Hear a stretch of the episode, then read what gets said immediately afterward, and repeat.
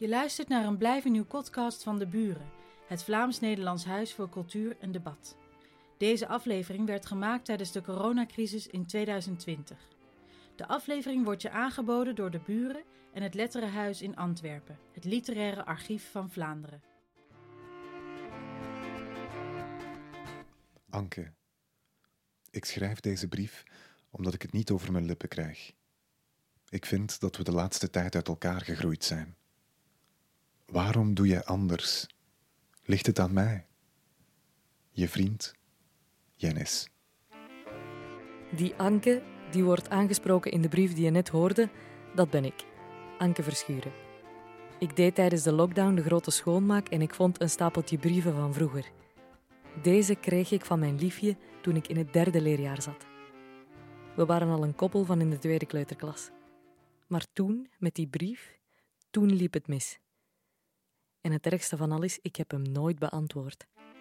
Tijdens het poetsen had ik er ook geen tijd voor, maar ik heb hem mooi op mijn bureau bewaard.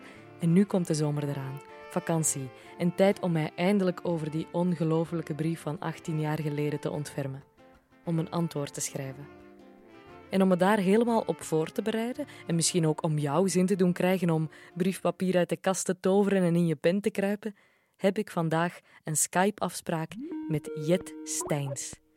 Zij schreef het boek PS, van liefdespost tot heetmail. Volgens mij is Jet dus een echte brievenexpert. Hallo, dag Jet. Hallo, hi. ja, we zitten natuurlijk ver van elkaar, maar toch ook dichtbij op deze manier. Ja. Ehm, mag ik jou een brievenexpert noemen? Ehm, ja, eigenlijk uh, inmiddels wel, ja. ja, inmiddels wel. Wat, wat heb jij allemaal gedaan? Een heel dik boek geschreven. Ja, het is eigenlijk op basis inderdaad van, uh, van uh, het boek dat ik heb geschreven, PS. Ik heb twee jaar lang in de archieven in Nederland ja, rondgekeken en gestruind en, en ja, alles door mijn handen laten gaan. En ik heb dus echt, nou ja, honderden, duizenden brieven gezien. Um, en vervolgens heb ik ja, daar een selectie uitgemaakt van 150 uh, ja, bijzondere, opmerkelijke Nederlandse brieven. En daar heb ik over geschreven. En ik heb ze onderverdeeld in, in um, genres. Dus liefdesbrieven, afscheidsbrieven, uh, brieven met raad, fanmail. Dus inmiddels weet ik wel uh, van alle ins en outs over de brief en ja. haar geschiedenis. Dat ja. lijkt me echt een enorm, enorm groot werk.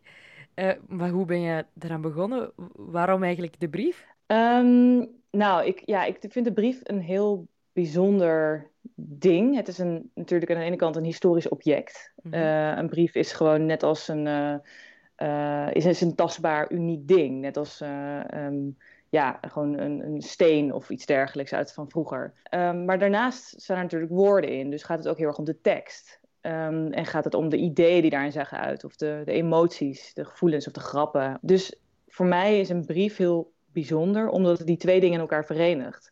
Dus dat, dus en dat historische, tastbare, en die, dat spirituele, dat geestelijke.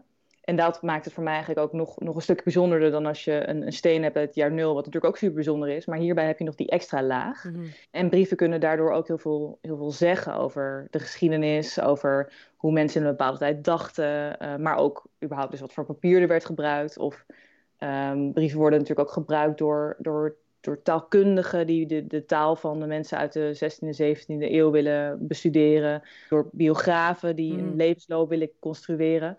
Dus een brief heeft door zijn, ja, door haar eigenschappen een speciale, speciale plaats in, in het onderzoek ook. Ja. En ben jij vaak geëmotioneerd geweest in, het, in jouw zoektocht? Of geraakt Ehm, door een brief? Ja, zeker, ja. ja. En dat is ook wel waar ik ook wel weer, ook, ja, als dat gebeurde, dan wist ik ook, ook dit is een brief die ik graag wil opnemen. Ja. Schrijf jij zelf nog brieven? Of doe je dat misschien terug? Door Ik doe, ben het weer wat meer gaan doen, ja, Ja. eh, door mijn boek. Vroeger heb ik heel veel brieven geschreven, eh, of heel veel. Eh, ik kom, ben geboren in 1990 en jaren 90 was nog wel een tijd dat je brieven schreef. Gewoon aan mijn oma, maar ook aan, ik had penvriendinnen en dan ontmoette ik iemand op, op zomerkamp of zo. En dan eh, heb ik daar nog wel een tijd mee geschreven. Dus ik weet nog zeker hoe het moet en hoe leuk het was. En daarna eigenlijk is het veranderd naar, toen kwam de mail. Toen heb ik ook nog wel echt hele lange mails gestuurd altijd naar, naar vriendinnen. Ook, ik heb in het buitenland gezeten voor mijn studie en, en voor, nou, voor reizen. En dan stuurde ik ook echt lange mails die eigenlijk brieven waren. En, en daarna is het toch, ja, nu met, met de moderne communicatiemiddelen, ja. zoals WhatsApp en sms, is dat toch anders. Maar ben ik het weer, weer gaan doen, ja, door mijn boek. En ben ik er weer achter gekomen hoe, uh, hoe leuk het eigenlijk is en wat, hoe ook anders het is dan, dan een appje. Ja, zeker. Want ik heb eigenlijk ook het gevoel dat door die hele uh, coronacrisistoestand, dat de post toch echt een opflakkering heeft gekregen, omdat er heel veel mensen precies ineens terug de tijd vonden om te gaan zitten en een brief of een kaartje te sturen. Ik heb daar nog niet echt de tijd voor gehad, maar ik ben er nu wel, voel ik het kriebelen. Ik heb een brief teruggevonden uh, van mijn liefje in het derde leerjaar. Leuk. En ik wil die een antwoord sturen, want ik heb dat nooit gedaan. Maar dus, ja, ik kan wel wat tips gebruiken. Ja, ja, nee, ik heb uh, zeker wel wat tips. Het ook een beetje, uh, ja, uh, doe er natuurlijk ook mee wat je, zelf, wat je zelf wil en de gebruiker van wat je kan gebruiken. Nou, de eerste tip eigenlijk, zorg ervoor dat je genoeg postzegels hebt. En dat is misschien een beetje een saaie tip die niet heel erg over de inhoud gaat. Maar wat mij, ook nu ik weer een beetje brieven ben gaan schrijven, vooral in de eerste plaats opvalt, is dat het, het is natuurlijk altijd een stap die je moet nemen om, even, om brieven te schrijven. Maar als je dan gewoon zorgt dat, dat wat er omheen zit, dat dat er is. Dus de postzegels en het briefpapier en uh, een mooie pen en een envelop. Um, en het adres moet je dan weten. Dus als je al die randvoorwaarden hebt, dan is het alweer veel makkelijker en leuker om die brief te gaan beginnen. Want dan weet je in ieder geval, oké, als hij af is, dan kan ik hem dan opsturen. Dan kan ik hem gewoon verzenden, ja. Ja, want ik heb nou ja, vroeger ook op vakantie ook hele lange kaarten schreef ik dan heel uitgebreid, helemaal volgeschreven. Maar dan was ik altijd dus overal kaarten aan het kopen en die aan het beschrijven. Maar dan had ik geen postzegels. En dan heb ik ze pas in Nederland echt nou ja, na drie weken nog pas verstuurd. Dan voelt het toch anders, hè? Want een postzegel is eigenlijk, dat is het eerste wat, wat je ziet ook. Ik vind dat ook heel, heel vaak leuk. Dan denk ik, oh, is het de koning of is het een kerststal of is het een stuk fruit op de postzegel? Ja, ja precies. Ja, ik kan me zo inbeelden dat die postzegel ook iets kan vertellen. Ja, nou, dat is heel grappig, want um, tot echt nog wel, ja, tot, tot een, uh, een, eeuw geleden of zo, toen hadden postzegels inderdaad ook echt betekenis. Mm -hmm. uh, als je die op een bepaalde manier plakte op je, op je envelop, dan, uh, um, ja, dan betekende dat, had het een soort dubbele geheime laag. En er werden volgens mij ook wel boekjes uitgegeven waarin die betekenis dan werden uitgelegd. Maar dan was het bijvoorbeeld als je hem op zijn kant links deed, in de linkerhoek, en dan op zijn kant, dan betekende dat dat je hart al vergeven was. Dus dat was dan vaak in liefdesbrieven natuurlijk. En als je het overdwars deed, maar ook in de linkerhoek, dan was het ik heb een hekel aan je. Uh, en als het dan weer Die brief zou ik al niet openen, hè? Nee, precies. Dan weet je eigenlijk al, oké, dit, dit, moeten we niet gaan doen. Als het dan in het midden aan de rechterkant was, was het dan schrijf je snel. Schrijf je snel. Dus zo hadden ook inderdaad de plaatsing van postzegels hadden, uh, hadden een bepaalde betekenis. Die, uh, uh, ja, die moesten anderen dan wel net weten. En als je misschien mist die dan weer net de nuance. Dus Ja. daarom was zo'n boekje misschien wel goed. Maar ja, zeker. Dus dat, dat is wel tot een tijd hebben postzegels wel die extra laag gehad, inderdaad. Ja, want in jouw boek zijn er ook een paar eh, brieven zonder postzegels opgenomen. Dus onbezorgde brieven dan uiteindelijk? Ja, nou, het, het grappige aan postzegels is dat die ook pas later echt, eh, pas in eh, de, de 19e eeuw echt in zwang raakten. Want daarvoor waren er eigenlijk portokosten. Ah. Dus je schreef dan een brief en eh, dan werd die bezorgd en dan moest diegene dus betalen. Maar dat betekende ook dat je dus ook kon beslissen, nou, ik, ik, ik wil niet aannemen, want ik wil er niet voor betalen. Of ik kan het niet betalen. Ik, Mhm. ik heb het geld niet. En er waren toen postmeesters, ja, een soort post, postbodes, maar dan die eh, hun eigen handeltje daarin hadden en die, die post bezorgden. En eh, als ze dus onbestelbare brieven hadden, dan bewaarden ze die brieven in de hoop dat iemand ze toch nog op een gegeven moment eh, kwam kopen, zeg maar. Want moet toch de portokosten kwam Mhm. betalen en ze kwam ophalen. Ehm, en dat is heel grappig, want er waren twee postmeesters, Simon de Brienne en Mhm. zijn vrouw, Marie. En die eh, waren twee postmeesters in Den Haag. En van hun nalatenschap was er nog zo'n grote kist met zeehondenvel bekleed. Oh, eh, die ja, helemaal waterdicht. En die zat vol met brieven, onbestelbare brieven. die jij dan en- ook weer gevonden hebt. Ja, en, die, eh, en, dat, ja, en dat is dus ook heel grappig. Ten eerste omdat het brieven zijn die eigenlijk per ongeluk zijn bewaard. Vaak zijn brieven bewaard gebleven van rijke, bekende mensen. ehm, Omdat ze belangrijk waren om een of andere reden. belangrijk ja. waren. Precies. Um, en in deze kist zitten ook heel veel brieven, dus eigenlijk van de normale mensen en uh, met hun normale wel en wee, wetswaardigheden. Mm -hmm. Dat zit allemaal in die kist. En daar uh, heb ik dus ook inderdaad een paar van, mijn, uh, paar van in mijn boek opgenomen. Ja, en een van die brieven, die is ingesproken door een van de mooiste stemmen van Vlaanderen, dat kan ik wel zeggen. Door de enige echte Rashif El Kawi. Zullen we eens luisteren naar een van die brieven? Zeker, ja, leuk. Anoniem aan meneer Zuidhof. Beminde Zuidhof. Ik had niet gedacht dat gij zo een hondfotos bent, die mij altijd achter mijn ruggen praat. Heb gij wat te zeggen, zo zegt het mij als ik in Den Haag komen. Meneer Anoniem was niet blij met meneer Zuidhof. Nee, deze brief heb ik uh, uh, opgenomen onder de categorie hate mail. Uh, het is een brief uit 1695 en deze brief is dus niet, is dus niet aangenomen, want er op de achterkant van het papier heeft de, post, heeft de postbode ook geschreven niet hebben. Dus hiervan heeft hij echt, stond hij voor het huis en heeft nee, de ontvanger, deze Zuidhof, heeft gewoon gezegd, nou nee, laat maar. Die, die zag erbij al hangen. um, maar ja ik, ja, ik vind het heel mooi dat je dit kan terugvinden in zo'n kist. En dan toch een stort stukje... Ja, je vraagt je ook af, wat is er gebeurd? En ja, ja, je gaat spannend, je natuurlijk hele verhalen gaan verzinnen daaromheen. Ja, wat mij ook wel opvalt is eigenlijk dat die, die brief wel begint met... Beminde Zuidhof. Ja, dan zit je daar, hè. Je hebt alle randvoorwaarden zijn in orde. Pen, papier, postzegels, envelop. En dan moet je beginnen met een aanspreking. Zeker. En in mails heb ik daar ook altijd al problemen mee. Dag, hallo, hoi, beste, geachte, liefste, alles kan. Ja, ja dus precies. Heb je daar misschien ook iets uh, over te zeggen? Nou, uh, ja, het hangt er natuurlijk inderdaad vanaf aan wie je een brief schrijft. Uh, daar moet je natuurlijk wel eventjes je, je, ja, je aanhef op aanpassen. Ik, wat niet in mijn boek staat, maar wel wat ik heel mooi vind, is uh, Thorbecke, premier Thorbecke, die de grondwet heeft, uh, heeft uh, ingevoerd zo ongeveer. En die zei tegen zijn vrouw, die schreef aan zijn vrouw terwijl hij de grondwet aan het maken was, mijn zoet Madonnaatje. Oh, ja, als ze me zo aan zouden zo... spreken, Jet. Ik zou wel helemaal ja. gekocht zijn. ja, en dan, ja, dat is gewoon, dat, dat, dat, is, dat is zoiets teders of iets schattigs, wat dan zo'n zo'n staatsman dan aan zijn vrouw schrijft ja, dat geeft een heel leuk inkijkje. Um, maar ik heb ook een andere, ja, een, een, een edelvrouw die aan haar man schrijft. Mijn heer en liefste hartje. Oh. Aagje Luitse, een Tesselse zeemansvrouw. Daar gaan we het later misschien nog wel over hebben. Mm-hmm. Zij schreef haar man brieven en er zijn ontzettend veel koosnaampjes in die brieven geteld. Want zij schreef uh, uh, Kikkertje lief. Hij heette Harmanus Kikkert. En dan zegt ze Kikkertje lief. Of Mijn waardste pand.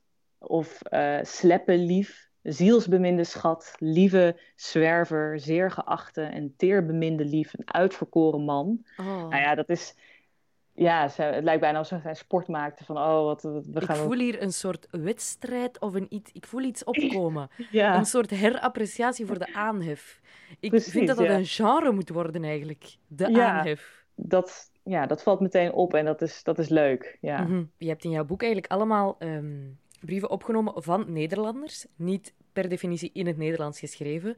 Want ja, vroeger schreven ze al wel eens in het Latijn of in het Frans of een andere taal. Ja. Ehm, maar ja, natuurlijk hebben wij in Vlaanderen, we willen ook graag meedoen, want er zijn hier namelijk ook heel veel brieven geschreven.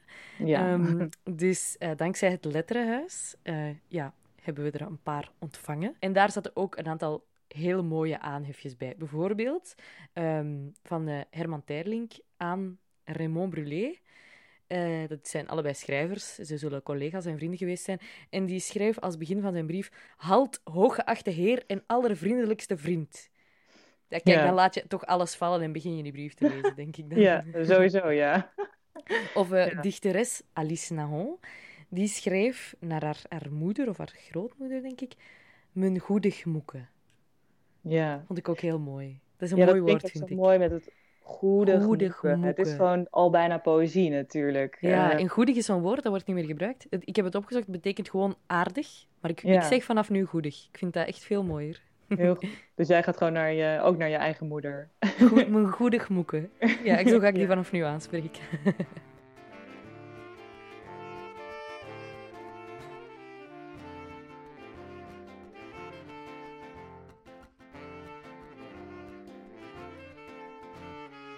Dus eh, tip 1, postzegels en heel de omkadering voorzien.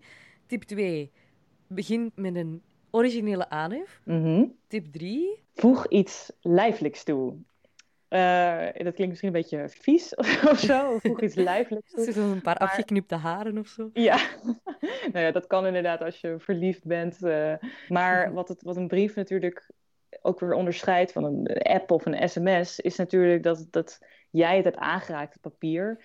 Het beschreven, het is jouw handschrift. eh, en, en dat, Je hebt er wat DNA op achtergelaten. je hebt er DNA op achtergelaten, inderdaad. En dat, dat ding, dat is dan eerst bij jou en dat, is, dat gaat dan reizen naar die ander. Eigenlijk is dat al lijfelijk genoeg, zou je kunnen zeggen. Maar eh, je ziet toch ook veel, en, en dat maakt een brief ook vaak leuk. Ehm, eh, in, de, in de geschiedenis hebben mensen zich toch vaak nog iets extra's op achtergelaten. Dus Wat voor dingen dan zoal? Wat laten ze achter? Nou, we hadden, eh, of ik, ik heb een PC Hoofd, dat is een grote Nederlandse dichter. En die heeft een eh, smeekbrief gestuurd naar zijn buurvrouw met wie hij heel graag wilde trouwen. Nou, zij had hem eigenlijk afgewezen en eh, hij wilde het toch wel echt heel graag. En toen heeft hij nog een soort van laatste smeekbrief geschreven waarin hij allerlei argumenten opzomde. Eh, en ook wel een beetje op haar gemoed speelde, maar uiteindelijk ook afsloot met een handtekening in bloed. Ah, Ja, dat is toch wel heel bijzonder als je dan oog in oog met zo'n brief staat en gewoon het bloed van 400 jaar geleden daarop ges, ja, gekwakt ja. eh, dat ziet. Dus zoiets lijfelijks bijvoorbeeld. Of eh, waar we het net ook alweer over hadden, Aagje Luitse. ja, daar heb ik ook inderdaad een fragment van, van Aagje Luitse, die een brief schrijft aan haar teer beminde man. Ja, dan vertel ik zo meteen wat voor lijfelijks eh, zij er heeft op achtergelaten. Beste lieve man, het is weer tijd voor een brief. Maar mijn hoofd staat er niet naar, want ik ben zo verdrietig. Want, lief, op 18 november is ons lieve jongste zoontje Klaas weggenomen uit het land der levenden en verhuisd naar het koninkrijk der hemelen en geniet daar alle vreugde. Ja, zeker meer dan hij ooit op aarde zal beleven.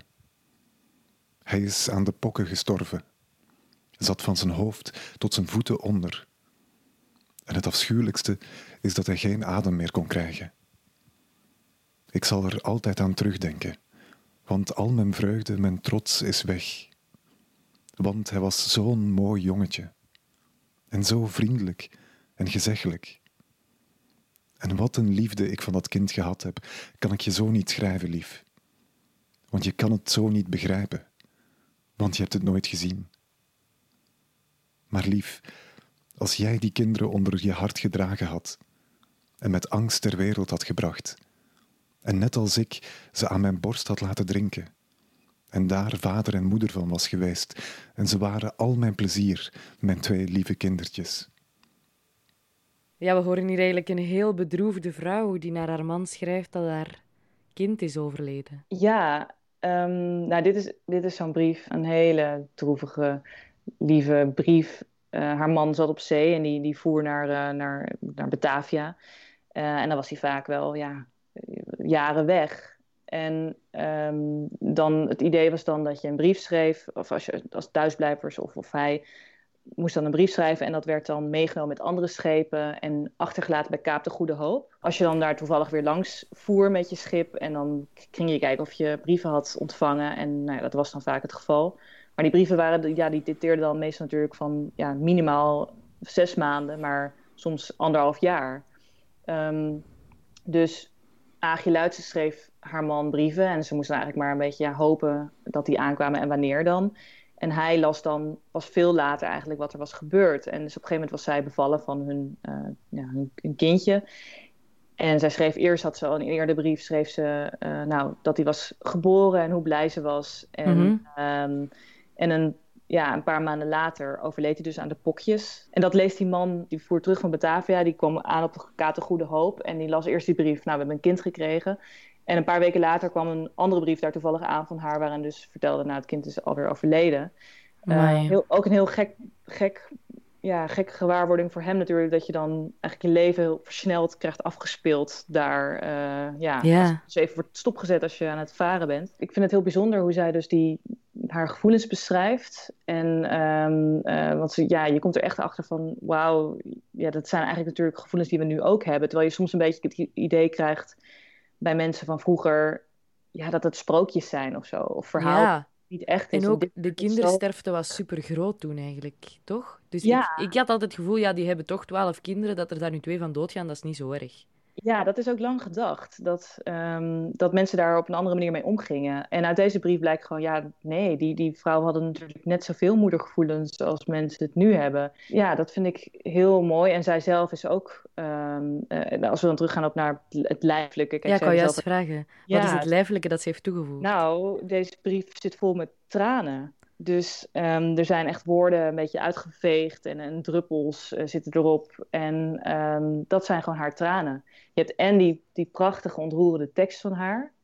En dan die tranen van haar van iemand uit 1800 op dat papier. En dat hebben wij dan in handen nu en kunnen we lezen en, en zien. En ja, dat, dat maakt, dat vind ik wel ja, een heel bijzonder ehm, ervaring geven. Ja, er zit voor mij heel veel in, in deze brief. Eh, eh, al, die, al die verschillende lagen en dan ook nog dat die man dat dan veel later las. Ja, het is een bijzondere brief. ja, Dat, dat geloof ik. Allee, dat voelde ik ook. Ja, Ehm, ja, in het letterenhuis was er, is, zijn er ook brieven waaraan iets lijfelijks is toegevoegd. Ehm, waaronder eentje van eh, een dichter, Huug Bernat, aan een andere dichter, Paul Snoek. En die brief is bezaaid met kusjes.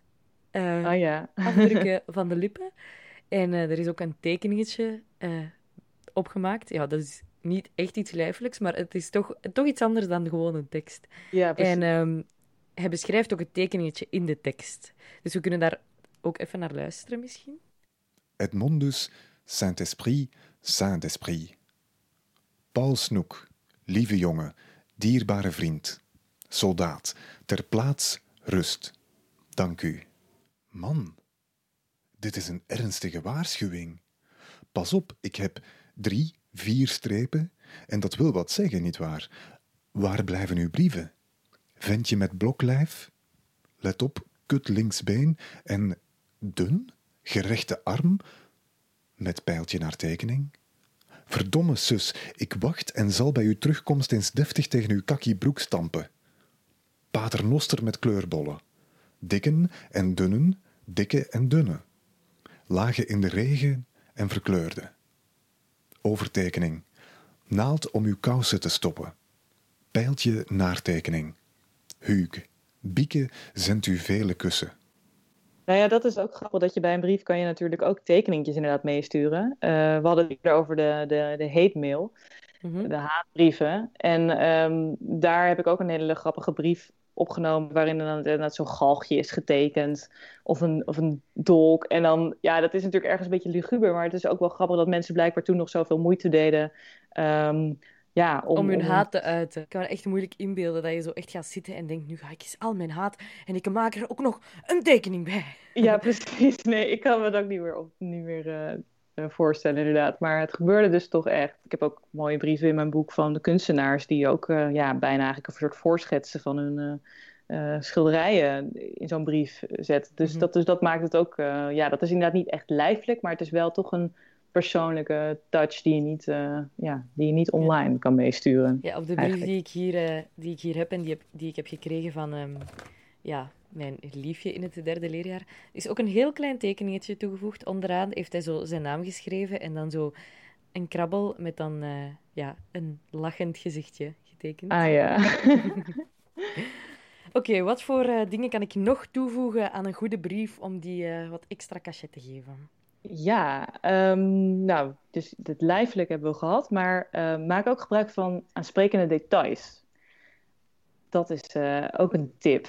Ehm, de, de brieven die ik uiteindelijk heb gekozen, daar, daar waren vaak details in die me dan aanspreken, spraken, die ik grappig vond of die ik, ehm, ja, waar ik gewoon, waar ik gewoon eventjes over na moest denken. Gewoon dingen die het heel echt maken, die je ook weer terug transporteren naar in, in deze, dit geval dan een tijd, eh, de 1700 of zo. Maar als jij een brief schrijft aan iemand en je schrijft details, dan laat je de ander ook inleven in jouw, Mhm. Eh, in jouw situatie. Ja, dingen die, die, die die ander gewoon niet kan weten. Want daarom schrijf je Mhm. uiteindelijk ook een brief, een verhaal. En eh, om iets nieuws te vertellen. Super logisch en tegelijkertijd iets dat zo vaak vergeten wordt. Zeker nu.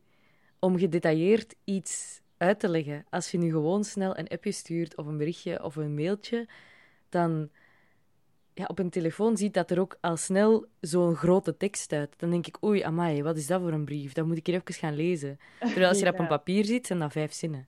Ja, ja inderdaad. Ja, dat, daar ben ik ook heel erg achter gekomen, dat het gewoon zoveel korter is. Waardoor je dus ook zoveel minder...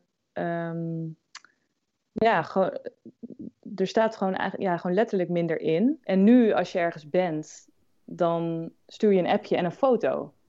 Dat is eigenlijk, ehm, dat, dat is er voor je in de plaats gekomen. Ja, een foto is natuurlijk, ja, dat is een afbeelding van wat je ziet. En daar komt niet bij wat je daar zelf bij voelt of over denkt. Dat is een laag afgesneden dan eigenlijk, hè? Ja, ja en dat, dat mist nu tegenwoordig, ja, of dat mist gewoon als je geen brieven meer schrijft, maar alleen die, ja, die, eh, die appjes inderdaad, waar dan precies wat jij zegt, het meteen heel, heel veel tekst lijkt. Dat heb ik ook soms, als je dan inderdaad uitgebreid iets gaat beschrijven, dan, dan, ja, dan is het bijna gênant eh, dat je, nou ja, Ja, ik, dat ik je... heb dat echt soms voor dat ik zeg sorry voor het lange bericht. Terwijl Ja. eigenlijk is dat echt erg dat je je daarvoor moet excuseren. Ja, want eigenlijk is het wel, en dat bedoel ik dus met deze tip van maak gebruik van aansprekende details. Ja, dat zijn toch dingen die het, eh, ja, die het echt maken en interessant. En eh, waardoor, ja, door jij als, als, als vriend of vriendin die het dan, of de afzender, of de, de, de geadresseerde, waardoor jij ook eventjes daarbij bent. Zullen we eens luisteren naar eh, wat pittige details uit eh, een van de brieven in jouw boek? Ja, Ja. 2 december 1676. Mijn heer en liefste hartje. Wat betreft het ophogen van de moestuin. Als het zo blijft vriezen, zullen we daar met kerst mee beginnen. En zand en aarde op laten brengen. Meneer Van Ginkel heeft gezegd dat hij zal kijken of hij een paar van de kleine fruitboompjes die hij zou krijgen apart kan zetten om daarin te poten. De metselaars zijn gisteren allemaal vertrokken. Ze hebben nu alle gebogen afscheidingen in de kelders gemaakt en daarmee is veel werk uit de weg. Ik ben nu ook de varkens aan het slachten. Heb vier van onze thuisgemeste varkens en twee eikelvarkens geslacht. En bij alle zes ging het heel netjes en vlot. En zo is het slachten bij mij heel wat beter gelukt dan bij meneer Hoopman Blanche. Oké, Margaretha Turner, die eh, heeft de varkens geslacht. Voilà. ja. ja dat, ik, ik heb een brief in, eh, in mijn boek uit 1676 van dus eh, de kasteelvrouw van Amerongen. eh, aan haar man, Godard Adriaan van Reden. En hij was diplomaat, dus hij was de hele tijd op reis. En dan was zij dus eigenlijk ja, degene die dat hele eh, eh, landgoed in bedrijf hield. Dus zij schreef allemaal brieven aan haar man, die ze dan altijd aan hief met mijn heer en liefste hartje. Ook zo mooi. En dat waren echt hele... Ja, dat zijn, ik heb heel veel van die brieven gelezen. Ik kon er dus helaas maar eentje opnemen. En dat zijn zulke gedetailleerde brieven, maar echt leuk. Omdat je heel erg ziet het leven van zo'n zo'n kasteelvrouw uit eh, eind 17e eeuw. En ja, wat voor rompslomp daarmee gepaard ging. Je denkt misschien van, oh, dat, eh, nou, die mensen die zaten gewoon lekker te eten de hele dag. En, eh, maar zij, ja, zij, zij werkte super hard en echt een stoere vrouw die dan, eh, ja, die De dus al die dingen zelf deed. En de varkensslachten, dat heeft ze dus ook gewoon even zelf gedaan. En eh, ja, en bij sommige brieven gaat het dan over vissen die eh, in de sloot liggen en het is bevroren en dan moet het uitgebikt worden. En, en dus die varkens. eh, ja, en dat, dat vind ik dan hele leuke details die me gewoon heel veel zeggen over Mhm. haar situatie in die tijd. Wie daar ook iets van kon, van die details uit Vlaanderen, dat is ehm, Paul van Ostaaien. Die heeft een hele uiteenzetting in een van zijn brieven ehm, naar zijn liefste Emmeke. Dat was zijn geliefde. Ehm, we zullen ook eens luisteren. Mijn lief Emmeke lief, dank je om je verjaardagsbrief. Ik heb hem juist op 22 februari 's morgens ontvangen. Jammer genoeg bracht hij mij wel het boze bericht dat je met Singse niet zal komen. Wel voeg je erbij, jij komt toch in juni, dat is dus zo erg niet. Niet erg. Beesteke lief. Weet jij het verschil niet tussen nog en nog? Nog is encore. Nog is niet weder. Voorbeelden. Ik heb je nog steeds zeer lief. Ik heb nog andere vrouwen, nog andere mannen lief. Je n'aime ni d'autres femmes, ni d'autres hommes. ook wanneer nog als encore negatief gebruikt wordt, is het nog niet nog. Je n'ai pas encore déjeuné. Ik heb nog geen ontbijt genomen. Vergeet dus deze regels niet, mijn emmeke lief. Zeg, ik heb reeds een halve liter levertraan gedronken sedert je weg bent. Elke dag de borst wassen met ofwel alcohol ofwel zout water. En pillen voor het hoesten. Ik heb reeds mijn tweede fles levertraan gehaald. En ik hoop dat je me nu niet meer voor een halve dode zal houden. Ik vind het heel grappig dat Paul van Ostaaien, de, de grote dichter, dat eerst volledig waarmaakt door een ellenlange uiteenzetting te doen over het woord nog. En dan daarna gewoon over levertraan begint. Ja, ja. Ja, dit is gewoon ja, eigenlijk een extreem... Eerst inderdaad extreem gedetailleerd over, die, ja, over het verschil uh, tussen die woorden. En daar ook een beetje, laat ook een beetje kennen, zo van... Uh, uh, ja, let er wel op. Een beetje irritant ook eigenlijk, weet je wel. Snap je het en niet dan, of zo? Ja. Vergeet dan, niet, hè? ja. En dan gewoon zoiets heel huiselijks inderdaad. Van ja, hij, hij moest ook gewoon levertranen en wilde zich ook zelf in het leven houden. Um, ja, dat, dat, dat vind ik er heel grappig aan. Dat maakt het ook heel echt. Dus misschien is, is dat het gewoon de vijfde tip dan? Maak het echt. Ja, ja, dat, is, ja dat heeft iets te maken wel met inderdaad die, die, die, details, die aansprekende details. Maak het persoonlijk echt en niet al te literair. Misschien kun je het gevoel krijgen, oh, ik ga een brief schrijven, dan moet het heel plechtig zijn, heel mooi, grote woorden. Uh, het is nu eenmaal een brief of iets dergelijks. Um, maar ja, de brieven die ik in mijn boek heb opgenomen en waar ik ook echt naar zocht, waren toch juist die echte brieven. Die, ja, gewoon, uh, gewoon zoals mensen zijn. En dat vond ik dan, ja, daar zocht ik naar. Gewoon naar die echte menselijke um, gedragingen en, en, en onhebbelijkheden en en dagelijkse dingetjes. Dat, dat vond ik leuk. En ik wilde hoefde dan niet per se uh, te kijken hoe, ja, hoe, uh, hoe mooi ze het konden verwoorden. Tuurlijk, dat is mooi meegenomen als dat toevallig ook nog eens zo gebeurde. Maar ik zocht wel echt naar die echte, niet zo literaire, uh, niet bedachte brieven. Lieve Henny, lees je ook echt alle brieven die je krijgt? 500 of meer zijn er wel erg veel. Ik weet best dat iedereen wel een briefje terug wil hebben, maar daar is geen beginnen aan. Kan je nou niet één keertje een uitzondering maken? Ik schrijf nu al voor de vierde keer en ik heb nog nooit iets teruggehad. Al krijg ik alleen maar je handtekening en die van Ernst, dan ben ik al verschrikkelijk gelukkig. Ik houd het niet meer uit. Laat alsjeblieft iets van je horen. Ik heb al weken last van slapeloze nachten en ik heb zelfs al ooit een nachtmerrie gehad dat jullie verongelukt waren. Oh, ik ben helemaal kapot van jullie. Voorop natuurlijk de muziek. Maar ik geloof, weet het wel zeker, dat ik nou ook verliefd op jou begin te worden. Trouwens, ernst is ook een stuk. En het wordt steeds erger. S'nachts om twee uur heb ik soms nog een plaat van jullie opstaan totdat mijn vader binnenstormt en vraagt of ik gek geworden ben. Nou ja, het scheelt niet veel. Ik ben niet sinds een dag of twee fan van jullie, maar al zo'n tweeënhalf jaar. Wel een beetje raar, 16 jaar en smoor verliefd op Doe maar. Thuis wordt iedereen er radeloos van. En op school zijn ze ook niet meer veilig. Sommigen zeggen: Meisje, dat is niks voor jou. Maar daar geef ik niks om. Mijn jas hangt scheef van de buttons en op straat loop ik de dagdromen. Telkens verbeeld ik me dat ik jou of Ernst zie lopen. Straks wordt het nog een ramp. Nederwiet heb ik niet nodig. High word ik al als ik twee regels hoor van Bellelijn of Vergeet me. Jullie muziek is berengaaf. Maar ja, dat zal je wel vaker horen. Oh, Henny, al zie ik je op tv in een concert, dan lijkt het wel of je nog steeds verbaasd bent. En een heel klein beetje verlegen over al die hysterische fans. Weet je dat jullie ook in België heel populair zijn? Ja, Petra, die was precies een beetje verliefd op uh, de mannen van Doe Maar. Ja, inderdaad. Doe Maar, dat was uh, ja, een ongelooflijk populaire band uh, begin jaren tachtig. Volgens mij, ja, sowieso in Nederland. Volgens mij waren ze ook populair in België. Dat schrijft mm -hmm. zij ook nog in deze brief.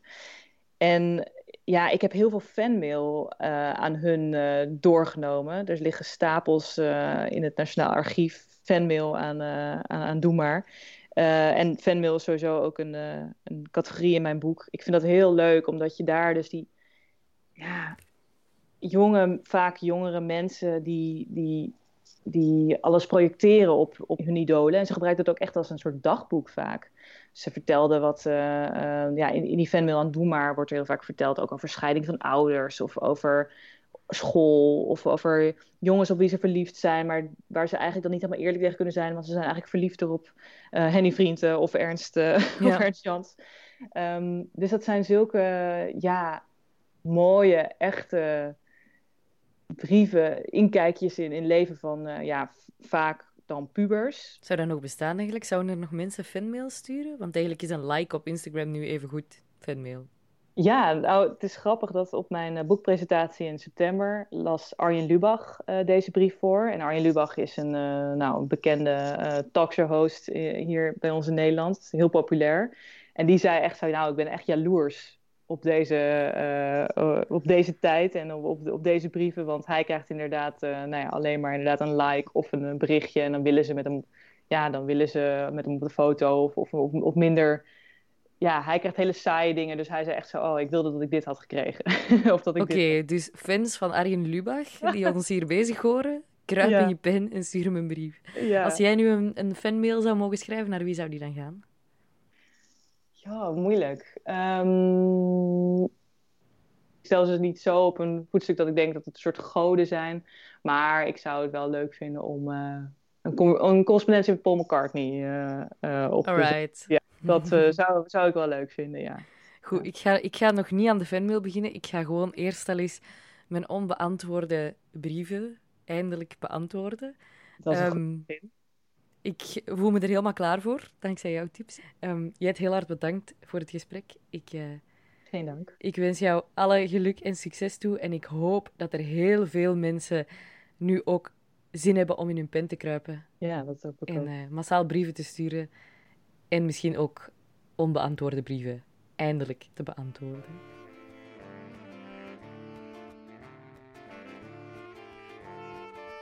Mijn allereerste kalverliefje. Het is meer dan tien jaar geleden dat wij elkaar nog spraken.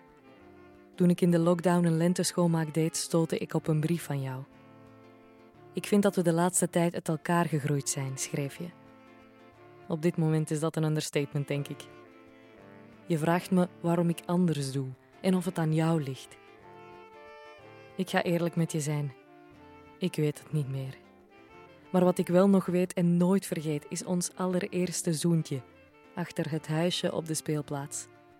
We drukten onze lippen heel snel op elkaar en stoven dan weg, uit angst dat de juf ons zou betrappen. Mijn hele leven heb ik aan dat moment gedacht, telkens wanneer ik K3 hoorde zingen: Eén klein kusje en de tijd bleef staan.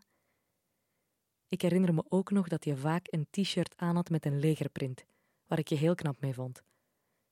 Ik herinner me dat we in het derde leerjaar eindelijk eens naast elkaar mochten zitten in de klas. Maar we kregen ruzie en we bouwden een dam van pennenzakken tussen ons in. Ik herinner me nog je brief en dat ik niets terugschreef omdat ik de antwoorden toen ook niet wist. Dat spijt me. En nu lijkt het plots alsof ik je mis. Hopelijk zien we elkaar weer eens. Lieve groeten van Anke. PS, ruik eens aan de brief. Het is het Oilily parfum waar ik als kind iedere ochtend een klein beetje van in mijn nek spoot. Misschien herinner je je mijn geur nog. Bedankt voor het luisteren naar deze Blijf in Nieuw podcast. Ontdek meer via het podcastkanaal of de Soundcloud van de buren. De Buren biedt je gratis registraties van debatten en lezingen aan en heeft een uniek literair audioaanbod. Het Letterenhuis bracht eerder al de literaire talkshow Stukken van Schrijvers. Herbeluister deze reeks op letterenhuis.be-stukken van schrijvers.